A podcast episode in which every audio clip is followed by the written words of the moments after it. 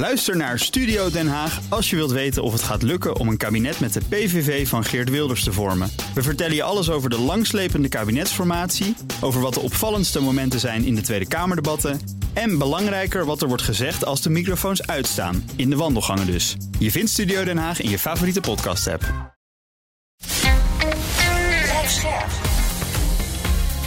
BNR Nieuwsradio. Napleiten. Wouter Laumans en Christian Vlokstra. Als jij dit soort dingen die legitiem zijn. Als je de brandweer gaat aanpakken. Als je de brandweer nu gaat aanpakken, dat, dat uh, waarschijnlijk, hoogstwaarschijnlijk komt daar niks uit, want het wordt allemaal tegengewerkt. En jij krijgt in de beeldvorming, word je afgebrand, maar dan echt letterlijk. En ja, toen hebben we dus besloten om ja, dat te laten voor wat het was. Hallo en welkom bij Napleiten, de podcast waarin we met advocaten, officieren van justitie en rechters praten over strafzaken die hen altijd zijn bijgebleven. Mijn naam is Wouter Laumans en naast me als gebruikelijk strafpleiter Christian Vlokstra. Welkom Chris. Wel Wouter. Eerst kort de huisregels. In deze podcast praten we over definitief afgedane strafzaken en vanwege de journalistieke zuiverheid behandelen we ook geen zaken waar Chris bij betrokken is geweest. En zo is het. Uh, Chris, dit is, uh, ik begin deze podcast met een waar was jij uh, vraag. Waar was jij op het moment dat je hoorde uh, van de vuurwerkramp in Enschede? Ja, dat weet ik nog heel goed. Dat was op, op zaterdagmiddag 13 mei 2000. En nu is het zo dat mijn, mijn ouders, hun trouwdag is op 9 mei. Ja. dus ik zat in de auto met mijn ouders richting een etablissement waar we zouden gaan eten. Met vrienden en familie vanwege hun trouwdag. Uh, toen het radionieuws kwam dat er een, uh, ja, een grote brandontploffing was geweest uh, bij een vuurwerkfabriek in Enschede. Ja. Maar het is typisch zo'n ramp waarvan zeg maar de ontwikkelingen met de uren dan komen hè, en de omvang duidelijker ja. wordt. Dus ja, ik volgens mij, wij gingen gewoon het eten in en we kwamen eruit. Je had nog geen mobiele telefoontjes, of althans ik niet, hè, waarbij je de hele tijd alles ja. kon volgen. Dus zaten we in de auto, toen ging weer het nieuws aan en toen bleek uh, hoe heftig het was. Zo geweest. was dat toen, ja. Ik, ja. Kan herinneren, ik werkte toen net als verslaggever uh, en ik werkte voor de lokale Amsterdamse zender AT5. Uh, en er was toen een, uh, een soort zeildag van alle omroepen. En die waren aan het zeilen op, uh, op de, volgens mij, op de Loostrechts of de Vink. Met een klein glaasje waarschijnlijk al. Met een klein glaasje. en ik weet nog dat al die boten, die, na de hand hoorde ik dat al die boten waren omgekeerd. behalve de boot van AT5, want die hoefde natuurlijk niet, want het was Enschede en geen Amsterdam. Ja, het was heel warm ook. Het was dat. knettermooi ja, weer. Ja, ja want zaterdag 13 mei, ja, dat was een mooie zomerse dag in Enschede. veel mensen waren buiten en genoten van het weer. Maar om een uur of drie kreeg de brandweer een melding van een brand. En het is, dat was op het terrein van vuurwerkbedrijf SE Fireworks. Een grote opslagplaats in de wijk Roombeek. De brandweer rukte uit en om half vier klonk er een enorme ontploffing, gevolgd door een zware allesvernietigende explosie. De hele wijk Roombeek wordt met de grond gelijk gemaakt. 947 mensen raakten gewond en vier brandweerlieden en 19 bewoners kwamen om het leven. Er zou brand zijn gesticht bij de opslag, maar de ontploffing had alleen zoveel schade kunnen aanrichten doordat er te veel en te zwaar vuurwerk lag opgeslagen in de loods. Bij ons aangeschoven vandaag is de Amsterdamse advocaat Peter Plasman. Welkom. Dank. Um, wij vragen aan onze gasten altijd van, uh, uh, kies een zaak uit. Waarom heb jij deze zaak uitgekozen? Um, nou, omdat die groot was. Uh, ik er heel intensief mee bezig ben geweest. En er zoveel facetten in de zaak zitten. Op detailniveau, maar ook op, op, op groter niveau. Die ja, bij mij nooit meer uit mijn geheugen zijn weggegaan. En het is, een, ja, het is ook een van de grootste zaken die ik ooit gedaan heb in mijn loopbaan. Ja, en hoe, hoe begon die zaak voor jou? Hoe, hoe kwam je bij jou terecht? Um, weet je zelf eigenlijk nog waar je was op 13 mei 2000? Ja, dat weet ik precies. Ik was op het mooie eiland Vette Ventura, in de Canarische eilanden, met mijn uh, gezin op vakantie. En ik zou maandag of dinsdag uh, terug zijn. En toen werd ik gebeld. Ik dacht, meen dat dat op woensdag was na de ramp, ramp zaterdag, dus woensdag, uh, door een advocaat die uh, civiele zaken deed. Maar die had een keer een strafzaak gedaan. Dan was hij met mij nog wat advocaat in Roemenië beland, de commissie. En dat had hij mij aan het werk. Ja, een Rogatorencommissie. Ja, Rogatorencommissie. dat is een, uh, een onderzoek in het buitenland onder leiding van de rechtercommissaris. Getuigen horen in dit geval. He, dan moet allemaal formeel. En dat zit je er met een, een, een weekje of een klein weekje met een paar mensen. En uh, die had mij aan het werk gezien. En die, dat was de advocaat van beide directeuren in een civiele zaak. En die had, was als strafrechtadvocaat gaan optreden, maar die had heel snel door van dit is niet mijn pak Jan. Um, uh, en hij had ook beide directeuren, wat op zich natuurlijk al van meet af een probleem was. En die belde mij, zit een klusje voor jou? Want waar werden die beide directeuren van verdacht? Wat was, want ik bedoel, je zou zeggen, uh, er gaat een vuurwerkfabriek, vliegt in de brand. Uh, een ontploffing, ja, dat, dat is een vuurwerkfabriek, kan ontploffing natuurlijk. Waar werden deze heren van verdacht? Ja, nou één correctie, want dat is wel belangrijk. Het was absoluut geen fabriek. Het was okay. gewoon opslag en hij, ze staken ook vuurwerk af. Maar het ja. kwam kant en klaar, kwam het binnen, ja. vooral uit China. Uh, ze, werden, ze werden in ieder geval verdacht van uh, dood door schuld, brandstichting. was, ik weet niet meer precies wat het was. Maar ze werden vooral verdacht, en dat is niet een juridische verdenking, maar dat was wel de lading. De heren zijn gevlucht naar het buitenland. Oké. Okay. En dat straalde natuurlijk heel erg op hun af van dan moet er dus iets te verbergen zijn. Want het land was op dat moment, voor de, voor de luisteraars die dat niet weten, dat was in rep en roer. Dat kan ik me echt herinneren. Ja, nee, dat was. Ja, iedereen was natuurlijk. Wat is hier aan de hand? Wat, dit kan geen vuurwerk zijn. En zij hadden, uh, ze hadden vergunning voor gewoon, gewoon vuurwerk. En de gedachte was: dit kan geen vuurwerk zijn. Nee, wat mij namelijk ook nog heel erg bijstaat uh, van die ramp, is dat. Er was, er was toen iemand die was met een soort camera, die was die, die brand gaan filmen. En die heeft die grote explosie. Die, het is nog, nog terug te zien op YouTube. We zullen dat filmpje zetten in de show notes. Maar die had die, die ontploffing uh, gefilmd. En dat was, nou, dat was iets van ja, bijbelse proporties die ontploffen. En ook die hele wijk, die werd ook echt in één klap toen met de grond. Uh, gelijk gemaakt. Dus en dat deed toen heel erg veel stof op waaien, weet ik nog. Nou ja, de, de primaire gedachte was, daar heeft iets gelegen wat daar nooit had mogen liggen. Uh, munitie, er, er, kwamen de wildste verhalen, zeker in het begin, op geheime opslagplaats van Defensie. Uh, er werd gedacht aan die club die, waarvan al jaren wordt gezegd, overal in Europa hebben ze munitie, geheime bergplaatsen. Ik, ik, even niet op de naam komen. Ja, Gladio. Gladio, precies, ja. dat soort werk. Uh, nou, belletje Gladio. Ja, sorry, ja, ja, Gladio. Ja, nu moet, zal ik die beantwoorden. Nou ja, het was in, in de tijden van de Koude Oorlog was het idee volgens mij dat er ook de burgers in een soort partisanengroepen uh, uh, verzet zouden kunnen bieden als de communisten ons uh, zouden overrompelen. En die hadden dus overal ja, soort wapenopslagplaatsen ja. waar de burgers dan hun wapens vandaan ja. zouden kunnen halen. Er zijn toen ook al in het verleden al van die wapens gejat en in de onderwereld terechtgekomen. dat is een heel ander verhaal. Maar Peter, mag ik even vragen? Want kijk, je bent natuurlijk een hele ervaren, uh, bekende, beroemde advocaat. Je hebt, je hebt natuurlijk enorme zaken gedaan. Uh, maar dit is 2000, toen was je nog een wat jongere Peter Plasman. Um, uh, die ramp gebeurt, hè? -hmm. Had jij dan, heb je dan, zeg maar, als advocaat toen tijd dat je denkt, nou, als hier een zaak uitkomt, het zal wel iets voor mij zijn? Of heb je dat dan nog niet op dat moment? Nee, nee? toen ik hoorde van de ramp op, ja, op, op vakantie. Nee, de was, eerste dagen daarna. Nee, dat, dat, nee. nee. want ik was op vakantie, dan ja. denk ik daar helemaal niet aan. Maar toen een belletje ging. Hebben we wel zonnebrand. Maar goed, ja. woensdag ben je er weer, je bent een beetje weer gezetteld op kantoor. Ja, maar toen ging de telefoon. En wat ook eventjes voor jou, gewoon als mens, hè, als advocaat, dan gaat je hartje toch wel een beetje sneller kloppen of niet? Dat je denkt, jeetje, ja, dit is wel echt een dijk van een zaak die ik hier krijg. Ja, natuurlijk. Ja. Dat, dat, is, dat is altijd zo. Als ja. je echt een echt strafrechtadvocaat bent, ja. dan maakt het helemaal niet uit wat er allemaal achter zit. Dan beoordeel je dat gewoon professioneel. Van dit is, dit is een, ja, een geweldige klus om, om te doen.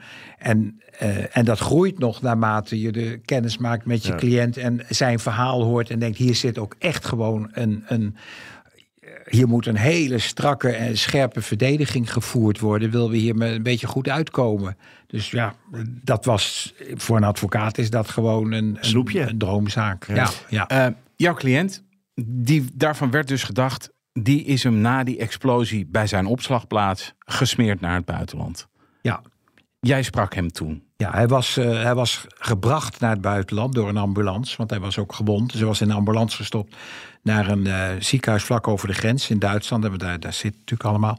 En uh, die advocaat had gezegd: joh, weet je, als je uit het ziekenhuis komt, ga niet op straat lopen in Enschede. Dat is op dit moment niet zo verstandig. Dus ga even rustig in een hotelletje zitten. Dat heeft hij met zijn hele gezin. Dus dat kreeg ik. Ze zitten, hij zit in een hotel. Ik zei, die, die tweede, de andere directeur, kan ik absoluut niet eens aan beginnen. Dus ik heb meteen een andere advocaat erbij gezocht. Uh, Gabriel Meijers, van, die had ik hoog zitten als jurist. En ik dacht, ik Bekende ben meer, advocaat ook, ja. En ik ben meer van de praktische, dus dat, dat combineert mooi. Mits de belangen uh, parallel lopen. Dus die heeft dat gedaan. En ik ging naar dat hotelletje en daar trof ik een totaal ontredderd gezin. Dus kinderen, vrouw en mijn cliënt Rudy Bakker. Totaal ontredderd. Hij zat nog onder de wonden en uh, is, ja, geen begin van wat is hier aan de hand en wat is hier gebeurd. Hij had geen idee. Hij en die andere directeur zat daar ook? Of nee, niet? die zat er niet. Die heb ik nooit, in, uh, pas later nee. gezien. Dus heb ik nooit contact mee gehad. Ik weet niet precies meer waar die zat. Maar die heeft, dat heeft mij is daar meteen contact mee gelegd.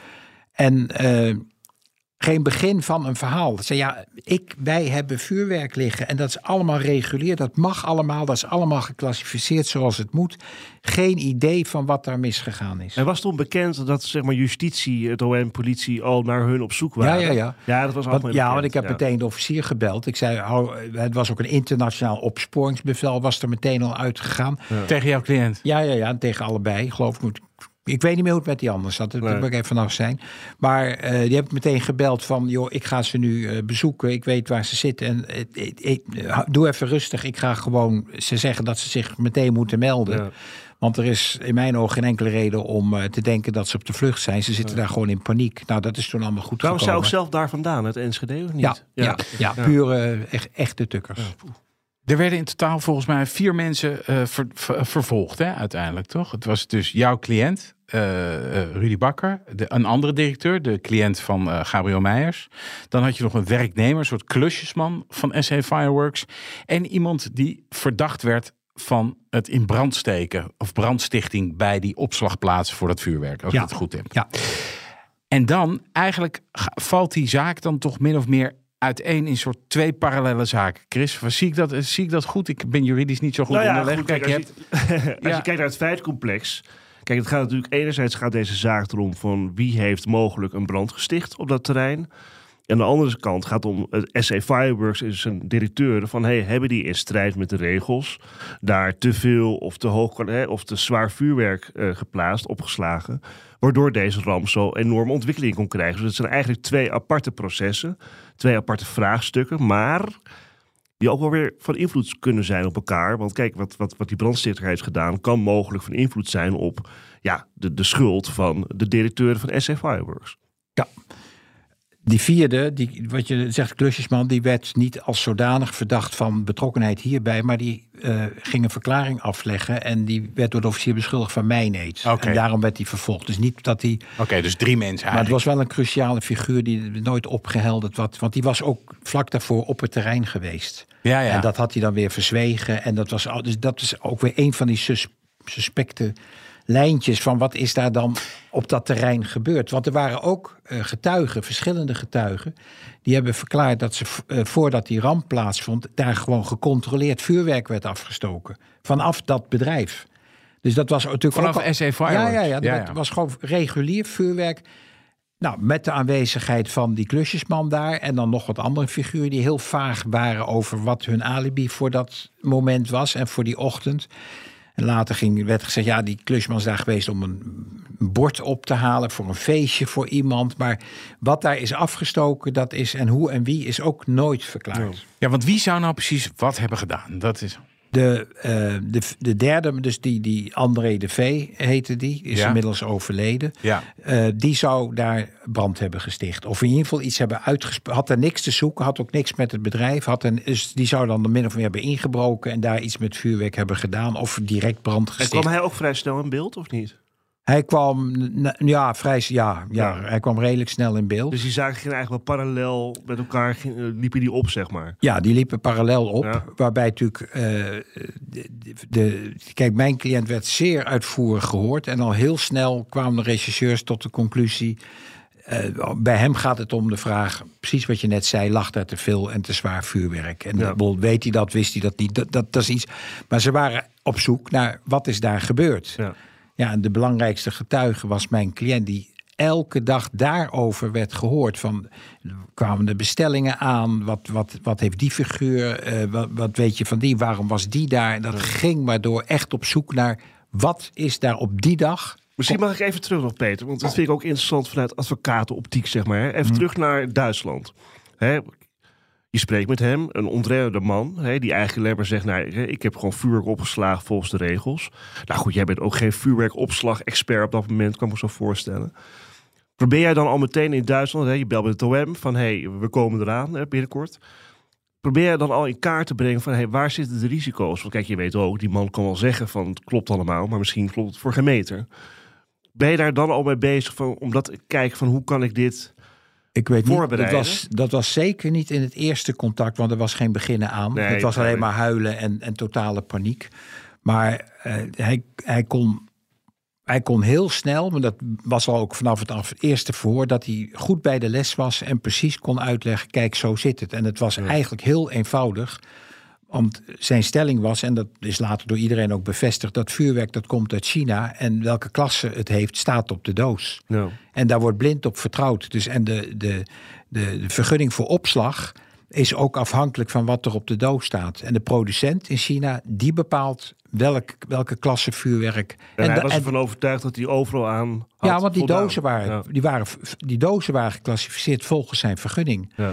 Om even vooruit te lopen op de afloop. Later bleek dat dat mogelijk allemaal niet zo klopte. Maar dat, hij zei, ja, maar daar, daar weet ik niks van. Ze controleren mij op wat er op de doos staat. Klopt dat met de vergunning die je hebt? Dus altijd ja gezegd. Ja. Ja, ja. Hij had drie dagen voor de ramp had hij de, de controleur van Defensie, die om de zoveel tijd langskwam. Bureau Milan was dat toen. Die hield zich met vuurwerk bezig. En die heeft letterlijk tegen hem gezegd, en dat ook als getuige later bevestigd. Ik zou hier wel durven slapen in die loodsen van jou. Zo goed ziet het er hier uit. Maar hoe was de sfeer dan tijdens die verhoren? Eh, want er waren natuurlijk heel veel mensen overleden. Het was natuurlijk een gigantische ramp.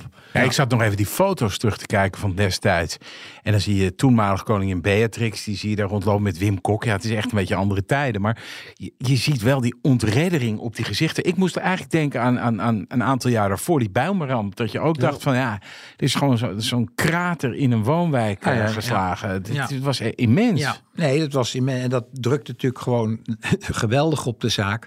Alleen deze twee rechercheurs, dat waren echte profies. Ik bedoel, dat is ook een Twee regisseurs die het onderzoek leiden, bedoel je? Nou, die, die, zeg, die op bakker waren gezet. Ja, die, die, op jouw cliënt, verdeeld uh, op mijn...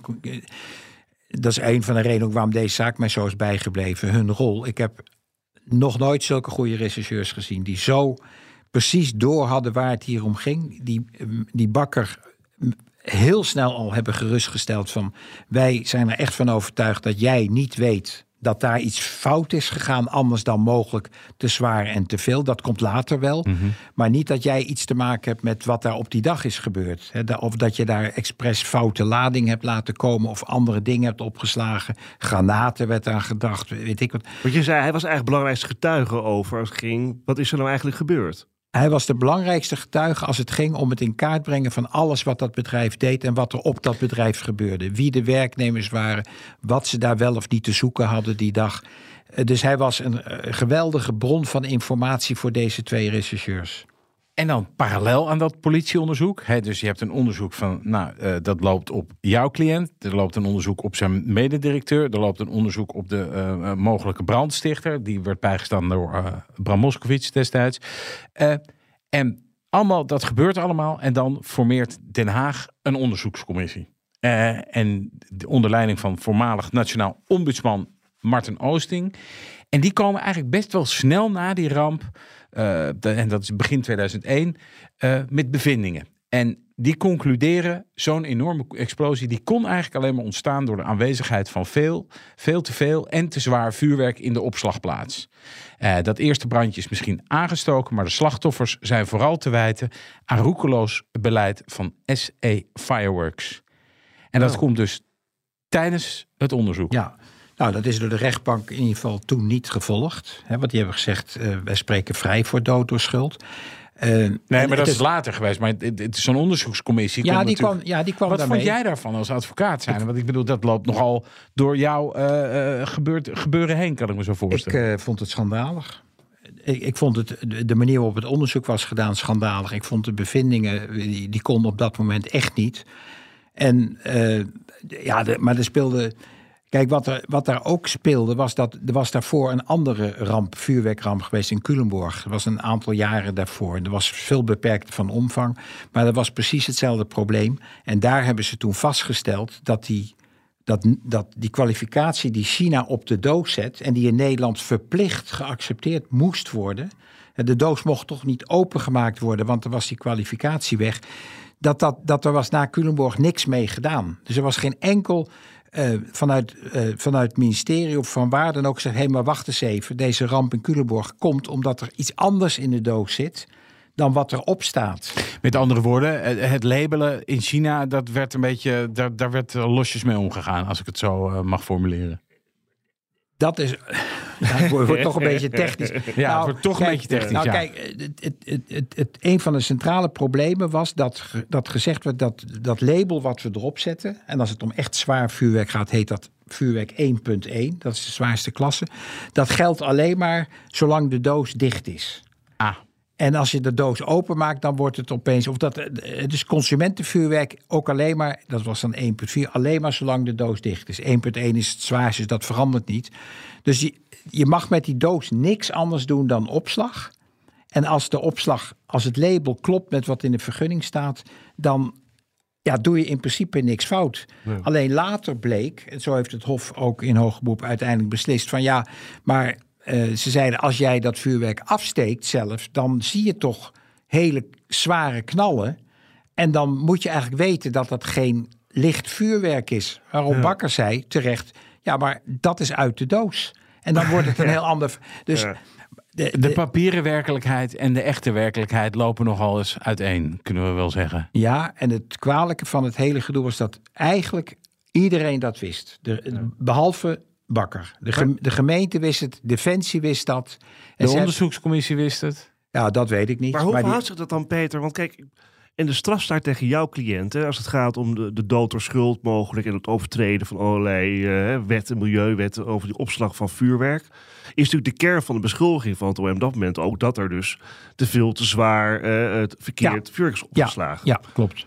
Dus daar wordt forensisch onderzoek naar gedaan. Ja. Hè, naar naar wat, is, hè, wat heeft er dan gestaan. En, en, maar daarnaast loopt dus een, een onderzoekscommissie. Onderzoek loopt zeg maar, tegelijkertijd. Die ook forensisch onderzoek doet. Dus hoe, hoe verhielden die resultaten zich met Nou, elkaar? eh, eigenlijk niet echt, omdat eh, ik in de verdediging eh, ook wel kon laten zien dat bijvoorbeeld de testen die TNO deed met het vuurwerk, dat die helemaal niet voldeden aan de manier waarop je zo'n test moest doen.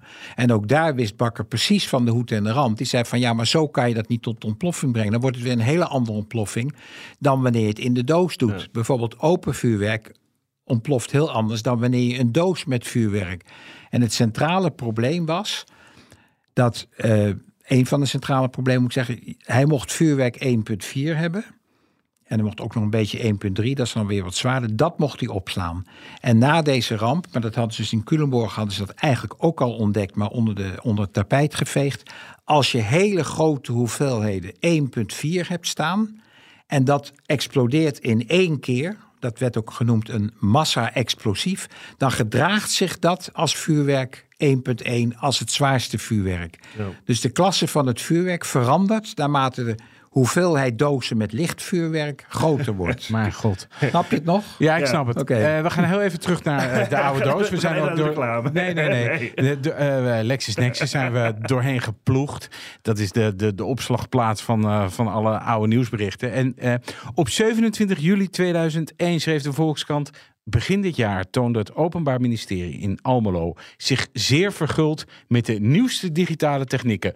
Vol trots werd het eerste complete strafdossier op Digital Videodisc DVD, ja, wie kent het nog? Gepresenteerd voor de bezitters van het begeerde schijfje. Een uiterst select gezelschap kende het strafrechtelijk onderzoek naar de Enschedeze vuurwerkramp geen geheimen meer. Van die blijdschap over de moderne technologie zal bij het Almeloze OM weinig over zijn nu de advocaat van SE Fireworks directeur R. Bakker een tegenactie heeft aangekondigd. Hij begint al te grinniken, hoor je? Ja, dat? ik zie, ik zie Ja, het dat oogje. was, dat was, kijk, eh, nou, dat, dat- het is zo is het voorlezen is natuurlijk gewoon zeker achteraf uh, best grappig.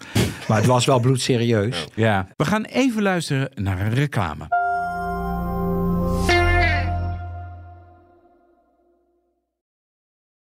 Ook Hugo Reitsma vind je in de BNR-app. Superhandig die BNR-app. Je kunt alle programma's live luisteren, breaking nieuwsmeldingen. Je blijft op de hoogte van het laatste zakelijke nieuws. En je vindt er alle BNR-podcasts, waaronder natuurlijk de belangrijkste, Boeken zijn in de wijk.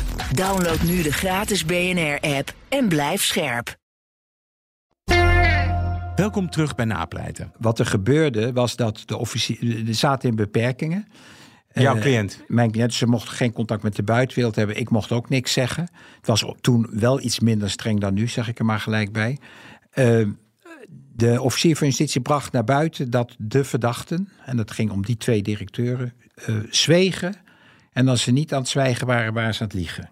Dat werd gewoon naar buiten gebracht. Tijdens de beperkingen? Tijdens de, ja. Maar af en toe. Tijdens de beperking. Maar of, ja, in ieder geval het begin. Het was, was in het begin. Ze liegen en ze, uh, ze liegen en ze bedriegen. Daar kwam het eigenlijk op neer. En mijn cliënt Rudy Bak heeft op geen enkele vraag zich op zijn zwijgrecht beroepen. Daar heb ik altijd bij gezeten. En hij is door de regisseurs ook nooit op een leugen betrapt. Toen heb ik de rechtercommissaris gevraagd om beide regisseurs van die hem hoorden, om die als getuige te horen. Uitsluitend op dit punt. Zwijgt mijn cliënt of liegt hij? Nou, ze kwamen allebei bij de rechtercommissaris. Uh, uh, in het geheel niet. De officier heeft totaal ongelijk. Ze Rudy Bakker geeft op alle vragen antwoord. En wij hebben hem niet op een leugen kunnen betrappen. Nou, en toen waren die beperkingen op een gegeven moment weg. Of misschien zelfs niet eens, dat weet ik niet. Toen dacht ik, nou weet je wat, de officier zegt dit. Uh, ik zeg dat. Het is één tegen één. Wie gelooft dat? De officier zal misschien eerder geloofd worden dan een advocaat. Weet ik niet. Laat iedereen zelf maar lezen. Ik gooi het gewoon. Ik heb Nova gebeld, was de voorloper van Nieuwsuur. Ik zei: Is het een idee dat jullie op jullie site alle verhoren van Rudy Bakker publiceren? Met dat proces verbaal van die twee regisseurs erbij.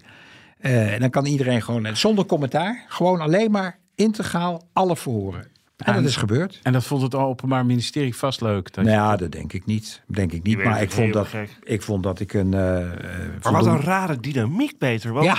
Dus je hebt een, een onderzoeksteam regisseurs hè, die, die, die jouw cliënt horen en hè, die hem eigenlijk helemaal volgen. Dat blijkt toch niet anderszins dat jouw cliënt uit zijn nek lult, om het zo maar te zeggen. Um, waarom, waarom, waarom stond het web er zo anders in dan de recherche? Nou, ze vonden dat die rechercheurs te dicht op, uh, op, op, op Rudy Bakker zaten. Dat ze hem te. Eigenlijk gewoon dat ze hem wel geloofden. Ja. Uh, en dat kon allemaal niet. En uh, nog wel een grappig detail, want Rudy Bakker gaf op alles antwoord.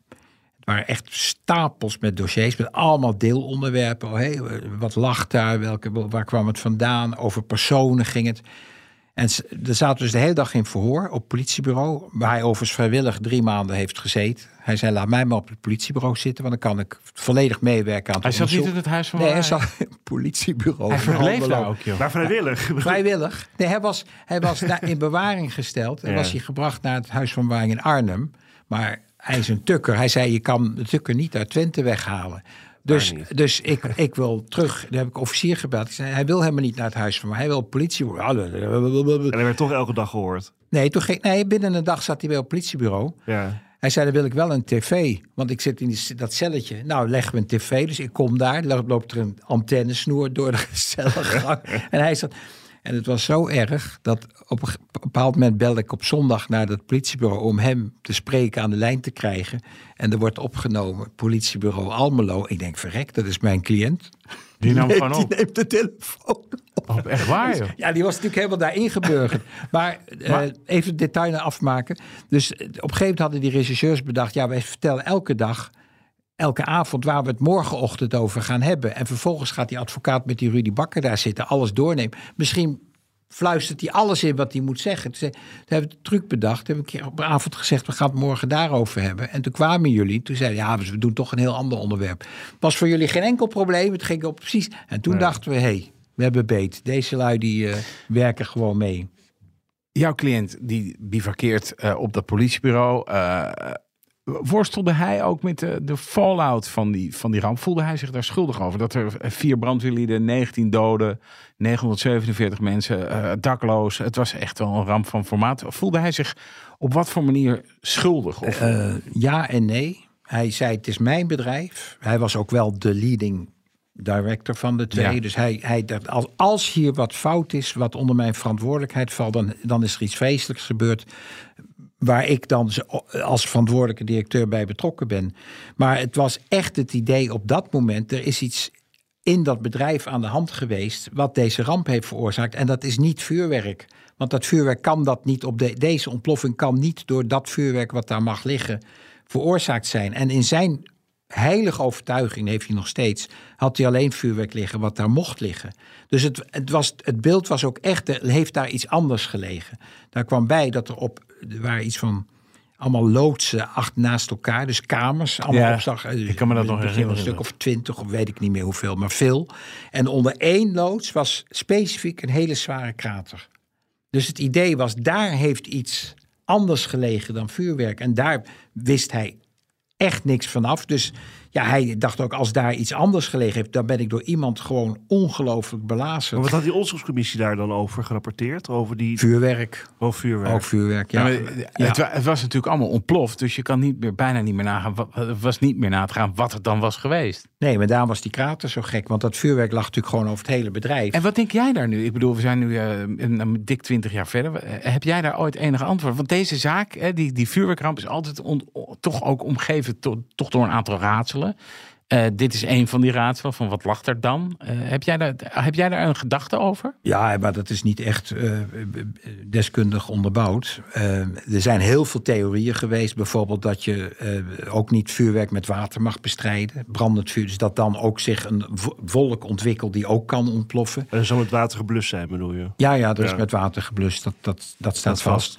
Ehm, ik denk dat de meeste kans van slagen toch is de theorie dat als je heel veel vuurwerk bij elkaar in, in echt met muur hele dikke compartimenten stopt. En het gaat fout dat het inderdaad zich als massa-explosief materiaal gaat gedragen. En dat het bij elkaar één grote knal wordt.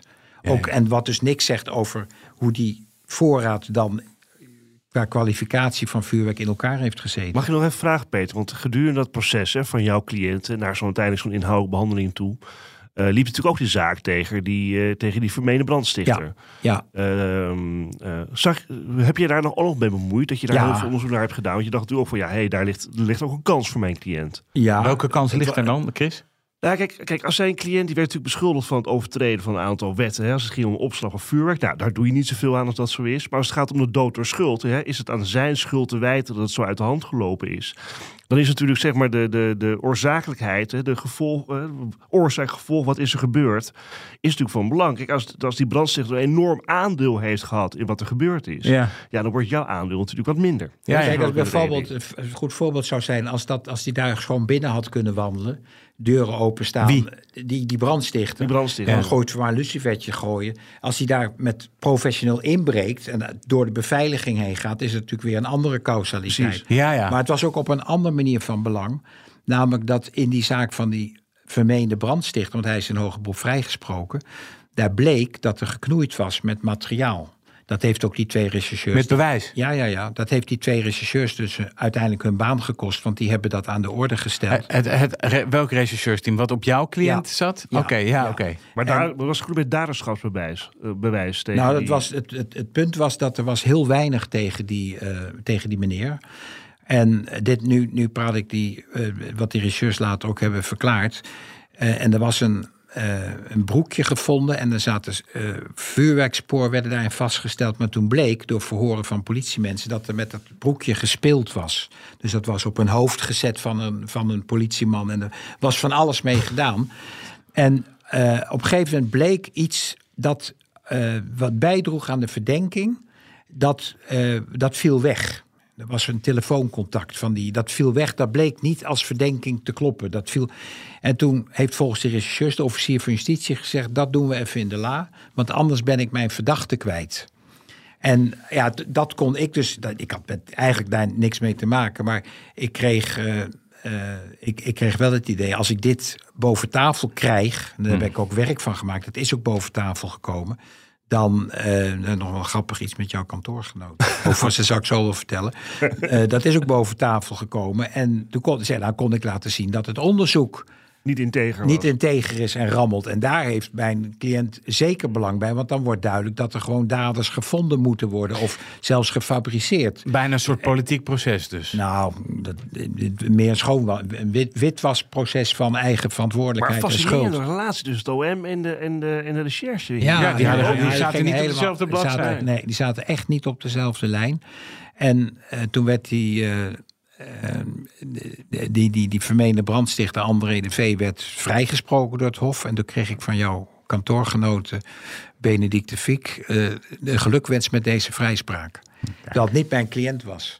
dus zij, zij had wel op een of andere manier, en ik heb wel een idee daarbij begrepen. Dat jij ermee te maken had. Dat, dat, dat, ja. ja. Nou, ze heeft het goed bedoeld, hè? laat het zo maar nee, zeggen. Nee, nee, nee, nee, het was nee, ja. En ik voelde dat ook zo. Ik, ik heb daar iets gedaan wat deze jongen in ieder geval van die 15 jaar gevangenisstraf heeft verlost. Want die had hij.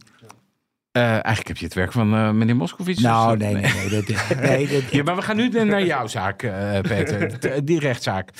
de vraag die dus voor jouw cliënt van belang was... heeft SE Fireworks die vuurwerkregels overtreden of niet? Ja, uh, daar was vrij snel uh, was, was onderzoek gedaan en er bleek dat er bepaalde vergunningsvoorschriften die, uh, die waren niet goed nageleefd. Mm -hmm. Het was, er was ook heel snel de discussie niet meer, omdat er meteen bij werd gezegd, maar dat heeft op geen enkel meer bijgedragen aan de ramp. Dus dat er waren gewoon technische vaststellingen van hing een blussertje. Ik weet allemaal van dat soort nou dingen. Ja, dat is voor de luisteraar van belang. Hè? Want ook die zaak van Peter valt eigenlijk weer in twee vragen uiteen. Die wel weer met elkaar te maken hebben. Dus hè, zijn die vuurwerkbesluiten overtreden? En zo ja, is dat op zodanige manier gebeurd... dat je kan zeggen dat de gevolgen hè, van deze brandstichting... Ja, mede te wijten zijn ja. aan ja, het nou, overtreden van die vuurwerk. De officier van justitie die vatte het als volgt samen. Het ontstaan van de brand, het eerste vlammetje... is hen niet aan te rekenen. En dat bedoelt hij de beide uh, directeuren. Maar de uitbreiding van de brand over het bedrijfsterrein wel. En de omvang van de explosies ook. Ja. En dat werd teruggevoerd op uh, het feit dat er dus te veel en te zwaar vuurwerk lag. Nou, dat te veel, dat was behoorlijk marginaal. Dat was niet van dat lag drie keer zoveel als uh, toegestaan. Hoeveel te veel lag er dan? Ik, heb, ik weet dat weet ik nee. niet. Het was volgens de vaststelling van de rechtbank en met name van het Hof was het te veel. Ook niet maar, zodanig dan. Nee, nee. Het, het, ging met name om de, de klasse, de zwaarte van het vuurwerk. En dan kom ik weer terug op het verhaal dat uh, Bakker zegt toen, tot nu toe en nog steeds... ik heb volgens de regels gehandeld, ik heb vuurwerk ingekocht in China... China, volgens de Nederlandse uh, regels moet China bepalen welke klasse het is. Dat komt op de doos te staan. Dat geldt ook voor het vervoer. En ze hebben gezegd, die vervoersregels, die maken we ook van toepassing op opslag. En ik mocht de doos niet openmaken. Als ik het openmaak, dan wordt het zwaarder vuurwerk. En ik heb ze dichtgelaten. Er is ook nooit of gezegd dat hij ze open had gemaakt. Het heeft er allemaal dicht gelegen. En ik had, in mijn idee had ik daar vuurwerk liggen wat ik mocht hebben. En dat volgens de, de, de, voorschriften van de gemeente, van Defensie. Uh, de gemeente is ook regelmatig geweest. Ook alles is hier in orde. Dus, en, en het Hof heeft gezegd: ja, maar meneer Bakker. Uh, u bent verantwoordelijk, want u bent de eigenaar. U steekt dat vuurwerk af en u ziet een hele zware knal. Dan moet u tot het besef komen dat dat vuurwerk zwaarder is dan consumentenvuurwerk. En Bakker zei: ja, dat, kan wel kloppen, maar dat is vuurwerk uit de doos. En dan is het inderdaad zwaarder, maar dat mag. Je mag het wel afsteken. Ja, die vergunning ja. had hij ook. Hij was gewoon uh, beziger, heet dat, als je vuurwerk afsteekt. Hij gaf hele grote vuurwerkshows door heel Nederland, ook in Amsterdam, bij Seel. Hij was echt bekend. Mag ik nog ja. even één dingetje vragen? We hebben bijvoorbeeld met MA17 hebben we het hier toen ook uh, gehad, hè, met uh, Sabine ten Doeschaat. Dat je enorme onderzoekscommissies over je heen krijgt eigenlijk als bewijs. Hè, waar je eigenlijk niet tegenop kan als simpele verdediging. Dat heb je hier natuurlijk in zekere zin ook. Ja. Hè, dus enorme ramp, TNO, alles wordt... Wat kon je daar nog iets tegen inbrengen, zeg maar? Ook qua deskundige, dat je... Dat je uh... um, ja, dat was wel... Uh, kijk, eigenlijk was dat niet zo heel moeilijk. Want het bleek al heel snel, en dat heeft de rechtbank ook overwogen... niemand, niemand heeft verstand van vuurwerk. dat, dat, was gewoon, dat was gewoon de vaststelling. Ze weten, ze weten gewoon, ze zitten, ja, oneerbiedig gezegd, deskundigen of mensen van TNO zitten gewoon hier uit hun nek te lullen. Want ze weten helemaal niet, ze, ze weten niet hoe die klassificatie gaat, ze weten niet hoe het in China gaat, ze weten niet hoe ze tot ontploffing moeten, hoe ze een goede test moeten doen, welke voorwaarden was ook allemaal onbeholpen en niet volgens de regels. Dus het was, en dat was ook eigenlijk het beeld waardoor de rechtbank vrijsprak van ja, niemand weet het. En dan ga je twee van die directeurtjes. Vrijsprak voor de dood door schuld. Ja, die ga je alles op hun nek schrijven. Ja, want, je, want je hebt ook in, in maart 2002 gezegd, vlak voor die eerste uitspraak, heb je gezegd: een ramp als deze in Enschede, die kan je niet oplossen uh, via de rechter. Nee. Wat nee. bedoelde je daarmee? Uh, nou, dat je eigenlijk, uh, dat zat bij mij natuurlijk op de. Het was volledig duidelijk dat er een grote verantwoordelijkheid lag bij de overheid. Ja. Die ramp, wat ik net noemde, ramp in Culemborg, niets mee gedaan. Terwijl daar al duidelijk was. Het Dit kan is, zo het is, niet. Het is mis met die opslag van vuurwerk. En dat Ja. weten we. Bakker niet, die eh, kijkt niet naar een ramp in Culemborg. Maar de Defensie wist dat, gemeente Culemborg. De mensen die hem ook moesten controleren. Ja. wisten dat allemaal. Eh, dus een grote verantwoordelijkheid van de overheid, van de eh, landelijke overheid, Defensie. Eh, grote verantwoordelijkheid van de gemeente Enschede, die daar ook op toezagen. De officier van justitie, de hoofdofficier heeft gezegd... ik wou dat ik ze had kunnen vervolgen... maar dan krijg je dus juridische belemmeringen, pikmeerarrest. Je kan de landelijke overheid niet vervolgen. Een ambtenaar die werkt in, zijn, in de hoedanigheid van wat hij moet doen... is ook niet te vervolgen, pas als hij gaat stelen of zo. Als hij buiten zijn werk treedt. Uh, dus dat zat er bij mij in, van dat kan dus niet. Daar ligt, naar mijn mening, lag daar en ligt daar steeds de belangrijkste verantwoordelijkheid. En dan eindig je met twee directeurtjes die gewoon echt slachtoffer zijn van het feit dat men hun niet, dat men de, met wetenschap die, zij, die de overheid had en zij niet, gewoon daar midden in een woonwijk die opslag heeft laten, hey, vergund heeft die opslag. Ja, ja.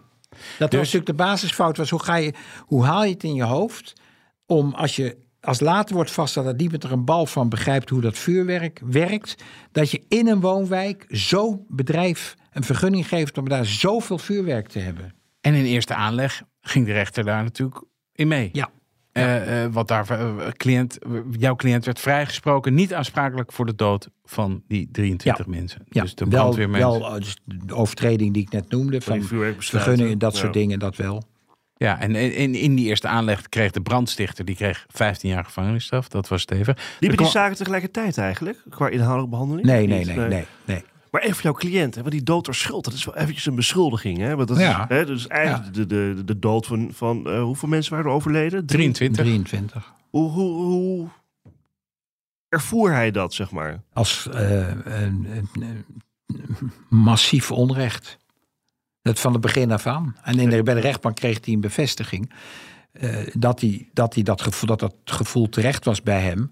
En het is natuurlijk. Kijk, als je, een, eh, als je iets fout doet en je komt voor de rechtbank en je wordt veroordeeld, je gaat in beroep en je wordt nog een keer veroordeeld. Als je eerst wordt vrijgesproken, is het nog heftiger. Want je denkt, ja, drie rechters kijken er zo naar. En drie anderen, het valt het kwartje misschien net aan de andere kant. Dus het, het is, ja, zijn hele leven is. Ik heb nu geen contact meer met hem. Eh, maar ik heb het idee dat zijn hele leven vanaf dat moment daardoor beheerst wordt. En deels dus verpest ook is. Ja, want dat hoge beroep, eh, in dat ho hoge beroep eh, wees de voorzitter van het Hof erop dat er in de samenleving grote behoefte bestaat aan duidelijkheid over de oorzaak van de vuurwerkramp. Die, die behoefte duurt volgens mij tot de dag van vandaag ook. En dat politie en justitie niet hebben kunnen achterhalen wat er nou precies is gebeurd op 13 mei 2000. Ehm, de allesverwoestende explosies wisten namelijk alle sporen uit. Dus daardoor konden we eigenlijk gewoon niet we- weten wat er gebeurd is. Ehm, het politieteam, eh, al dus de voorzitter van het Hof, heeft monnikenwerk verricht. Maar het onderzoek heeft geen aanwijzingen voor brandstichting opgeleverd. En al helemaal geen aanwijzingen naar de identiteit van de brandstichter. Eh, bij, het, bij het Hof ging het toch iets anders. Hè? Eh, nou, die brand, de, de vermeende brandstichter is bij het Hof vrijgesproken. Ja. Dus de- dan blijft er niks meer over, want er was, verder was er niemand. Dus er zijn heel veel open eindjes in deze zaak van mensen die hebben zitten liegen, die een, vals alibi hadden, eh, daarmee kwamen, die wel of niet op dat bedrijf geweest zijn, eh, wel of niet eh, separate handeltjes in vuurwerk via aanvoerlijnen die naar dat bedrijf. het is eigenlijk nog steeds één groot mysterie wat daar nu gebeurd is. En, maar wat en, bedoelt ook, voor jouw cliënt, Rudy, werd wel veroordeeld voor dood schuld bij het Hof. Ja, ja. Van, met de redenering, en dan vat ik het wel heel kort samen hoor. Eh, maar ja, u, ziet wat dat vuur, hoe dat vuurwerk in de lucht ontploft als u bent bezig, uh, bezig bent. Hè, de vuurwerkshows, dan weet u wat. Dat is geen consumentenvuurwerk. Had jij het idee dat zeg maar de, de, de, ik weet niet of die vrijspraak voor die vermeende brandstichter eerder was hoor, maar dat dat misschien in de lucht hing op dat moment, dat dat meespeelde ergens bij zo'n hof. Dan zeg je, ja, er moet wel iemand verantwoordelijk voor worden gesteld. Nee, dat, nee, omdat die verantwoordelijkheid natuurlijk totaal anders lagen. Of je daar als brandstichter bezig geweest zou zijn. Ja, maar het is een vorm van aansprakelijkheid, zou je kunnen zeggen. Dat ja, nee, Dat, dat, nee, dat idee heb ik nooit gehad. Was een, uh... Maar het kwam heel rauw op jullie dag nemen, kan ik me voorstellen. Ja, ja, ja, het was, was een zeer onprettige. We hadden, we hadden het ook echt niet verwacht. We hadden gewoon echt een, een, bij de rechtbank al gewoon. Ik, ik heb gewoon zes uur staan pleiten. Ik, is ook, daarom ook al bijzonder. Dat heb ik nog nooit. Dat doe je, nog niet, ben, doe je niet zo vaak. Nee, ik ben niet in de buurt gekomen verder. Maar, maar er zaten zoveel separate onderwerpjes in. die allemaal redengevend konden zijn. Dus je moest alles wel de revue laten passeren. Ehm, en dat was echt door Vocht en door de rechtbank ook gewoon zonder meer gehonoreerd. En uh, ik had bij het Hof echt hetzelfde verwacht. Maar dat gebeurde niet. En die zaak, ja, ik bedoel, dat is inmiddels al vier jaar geleden, maar in 2019 uh, eh, verscheen een groot artikel in de Groene Amsterdammer. Uh, en dat, uh, dat, dat, was de strekking, dit is één grote doofpotaffaire. Dat was dus toen 19 jaar na dato, na de vuurwerkramp. Um, en in dat artikel valt te lezen wie gefaald heeft, dat is de overheid zelf. Verschillende ministeries lagen met elkaar in de clinch over wie er over de regels voor vuurwerkopslag gaat. De gemeente Enschede blijkt jarenlang te hebben gesjoemeld met vergunningen. De brandweer heeft verkeerde blusinstructies gegeven, waardoor vier van hun mannen zijn omgekomen. Nou ja, goed. En niemand wil verantwoordelijkheid bekennen. Iedereen zoekt naar een schuldige. Nou ja, die, wat je daar zegt is wel eh, de doofpotaffaire. De grote vraag is wat daar dan in zit. Um, en wat mij ook wel heel erg is opgevallen in het begin, is dat er uh, geweldig is gefrustreerd om eh, te onderzoeken in de strafzaak wat de brandweer precies heeft gedaan. Uh, waar zijn ze gaan blussen? Zijn er, zijn er van die boksen opengemaakt terwijl de, het gevaar nog aanwezig was? Ik heb brandweermensen als getuigen willen horen. De rechtercommissaris heeft dat geweigerd. Doen we niet, wat op vreemd was. De rechtbank heeft dat overroeld. Ik ben toen in beroep gegaan en mocht het wel. En de, de rechtercommissaris heeft vervolgens alles tegengehouden. Wat maar in de richting ging van kunt u, wat heeft u gezien? Heeft u collega's iets zien doen? Heeft u twijfels gehad over? Alles werd tegengehouden. En toen heb ik dat, en dat was voor mij een heel vervelend moment. Uh, om, er waren vier brandweermensen overleden. Dus dan wordt het al sowieso lastig. Pijnlijk. En toen heb ik met Rudy Bakker besproken. Ik zei, luister, we, kunnen, we gaan hier nul op request krijgen. En jij gaat, jij gaat de Enschedeze samenleving ongelooflijk op je dak krijgen... als jij dit soort dingen die legitiem zijn. Als je de brandweer gaat aanpakken. Als je de brandweer nu gaat aanpakken, dat, dat uh, waarschijnlijk, hoogstwaarschijnlijk komt daar niks uit, want het wordt allemaal tegengewerkt. En jij krijgt in de beeldvorming, word je afgebrand. Maar dan echt letterlijk. En ja, toen hebben we dus besloten om uh, ja, dat te laten voor wat het was. Ook al omdat het natuurlijk eigenlijk niks te maken had met wat daar lag of niet lag. Maar het zou wel mogelijk te, te maken kunnen hebben gehad dus met waarheidsvinding. Ja, ja, waarheidsvinding over wat daar op dat terrein op die middag gebeurd is. Later bleek ook, of was ook al dat er die avond van de ramp een, een, min of meer geheim gehouden bijeenkomst was geweest van de brandweer. Waar we ook niet de vinger achter kregen wat daar dan was. Daar mochten we ook niet naar vragen. Want de rechtercommissaris zei nee, dat is emotioneel en dat is de opvang van slachtoffers, nabestaanden. Dus daar moet je allemaal vanaf blijven. En uh, ja, ik heb ingeschat, dit, dit, is, dit gaat niet lukken. En hoe, kijk, en hoe kijk je dan nu terug op deze zaak? Een zaak waarvan je eigenlijk nooit de hoed in de rand zal weten? Is dat, eh, vat ik hem zo samen? Um, nou, hij zit bij mij in uh, uh, eigenlijk drie zaken, of drie dingen, drie gebeurtenissen in mijn leven waarvan ik denk, dit, daar zou ik echt nog wel willen weten wat er gebeurd is. Dat zijn er precies drie. Het zijn natuurlijk wel meer nieuwsgierigheden, maar drie. Dat is de Deventer moordzaak, dat is deze zaak en dat is de moord op Kennedy. En als ik een vierde moet noemen, is de dood van Diane. Dat, maar dat is, dat is, dat is 4A. Dat is, Ja. ja dat geeft wel aan dat ik. Uh, de waarheid is niet op tafel gekomen, we weten niet wat er gebeurd is. En er, is iets wat we wel zouden moeten weten. Het zou na zoveel jaar zo een keer, zouden alle belangen opzij geschoven moeten worden. Zeggen van dit is gewoon. En ik ben dan als advocaat nieuwsgierig. Ik ben niet direct betrokken. Ik ben geen slachtoffer in die zin. Maar ik denk dat ook voor Enschede, hoe lang het ook geleden is, en zeker voor Rudy Bakker, dat uh, nog steeds hele belangrijke openstaande vragen zijn. Peter Plasman, bedankt voor dit verhaal en je komst naar onze studio. Graag gedaan. Dit was Napleiten. Mijn naam is Wouter Laumans en naast me zit co-host advocaat Christian Vlokstra. Als u zich abonneert op deze podcast, dan bent u direct op de hoogte bij een nieuwe aflevering. En we zouden het heel leuk vinden als u een recensie achterlaat. Tips kunt u sturen naar napleiten.bnr.nl. Verder zijn we te volgen op X en Instagram. Dank voor het luisteren en graag tot de volgende keer.